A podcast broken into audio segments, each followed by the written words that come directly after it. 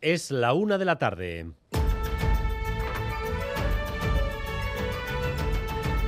Crónica de Euskadi con Dani Álvarez. A Rachaldeón, el mercado laboral vasco continúa evolucionando ajeno a la inflación. Octubre se ha cerrado con un nuevo récord de ocupación. Nunca en la historia Euskadi había tenido a tanta gente trabajando. Rodrigo Manero. Sí, casi 990.000 cotizantes a la seguridad social, 2.000 más que el anterior récord que se dio en junio pasado. La ocupación bate su marca histórica en Euskadi tras sumar 14.000 cotizantes en octubre. La mayoría, casi 10.000, han sido en el sector de la educación, por la vuelta a, la, a las clases y a las academias. La tendencia es la misma en Navarra, donde también se ha batido récord de cotizantes con un total de 302.000. Sin embargo, en plena movilización para que los sueldos suban al mismo nivel que los precios, los sindicatos continúan viendo problemas en el empleo que no se corrigen. Brecha salarial entre hombres y mujeres o precariedad. Igor Arroyo, Lab que aumentan las jornadas parciales, constatamos que existe esa brecha salarial respecto a las mujeres, que la contratación eh, indefinida sigue siendo eh, bastante escasa a pesar de la reforma laboral eh, realizada hace varios meses, constatamos que la precarización de las condiciones laborales sigue siendo una constante.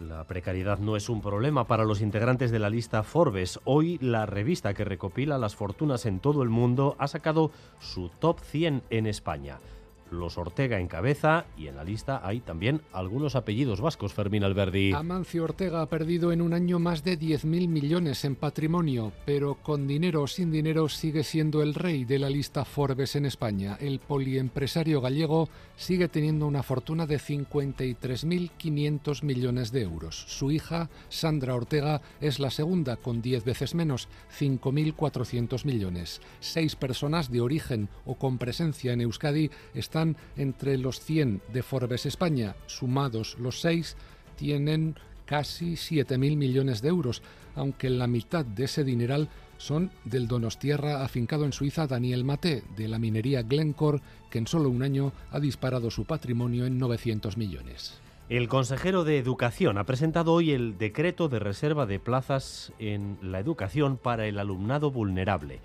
el llamado decreto antisegregación, para que nos entendamos, cuyo contenido les avanzamos aquí en EITV el pasado sábado. Hoy Bildarratz ha precisado que el proceso de reparto equilibrado de alumnado vulnerable durará tres años. El objetivo es lograr una escolarización equilibrada del alumnado vulnerable. Para ello llevaremos a cabo este proceso a lo largo de tres cursos para que la transición del sistema anterior al nuevo sea progresiva.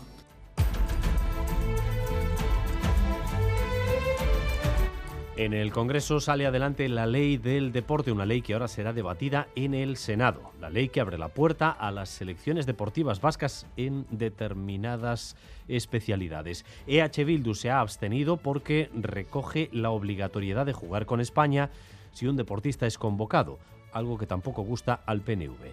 El PP o Ciudadanos han votado en contra. Escuchen, al PNV, EH Bildu y Ciudadanos. ¿Es un paso más? ¿Es el último paso? No. ¿Es el primero? Sí. ¿Nos conformamos con ello? No. No vamos a hacer aquí un concurso de quién quiere más. No podemos dar nuestro voto favorable a esta ley que impone la obligatoriedad de jugar con la selección española, la de asistir a las convocatorias de las selecciones deportivas españolas bajo la amenaza explícita de considerar infracción muy grave la falta de asistencia. El surf lo inventaron en Euskadi. De hecho, por Euskadi se llama así una de las capitales del sur del mundo, Euskadifornia. Ciudadanos, tirando de ironía. Y con ASIA, con el nombre ASIA, se ha abierto un melón al que se enfrentan muchas personas. Lo estamos comprobando con los mensajes de nuestros oyentes a lo largo de toda la mañana, que no paran de contarnos casos similares en los que tuvieron que luchar por el nombre de sus hijos. Xavier Madariaga, ¿por qué pasa esto? Pues porque para inscribir nombres en el registro civil hay unas normas. Las tenéis en la web del Ministerio de Justicia. El nombre no puede perjudicar a la persona, no puede crear confusión ni inducir a error en cuanto al sexo. Ahora, ¿cómo se aplica esto? Es bastante arbitrario porque todo depende del funcionamiento del, del funcionario del registro y del juez de turno. Por suerte, sus decisiones suelen ser provisionales y pueden recurrirse. Enseguida conocemos las peleas de quienes dijeron no sin mi nombre. Y la Filmoteca Vasca homenajeará al cineasta Pedro Olea proyectando en las tres capitales su película de 1970 El bosque del lobo. Las proyecciones de esta tarde van a tener lugar en el Artium y en Tabacalera y mañana en el Bellas Artes. El autor bilbaíno explicaba por qué ha elegido esta película para el homenaje que le rinde la Filmoteca Vasca.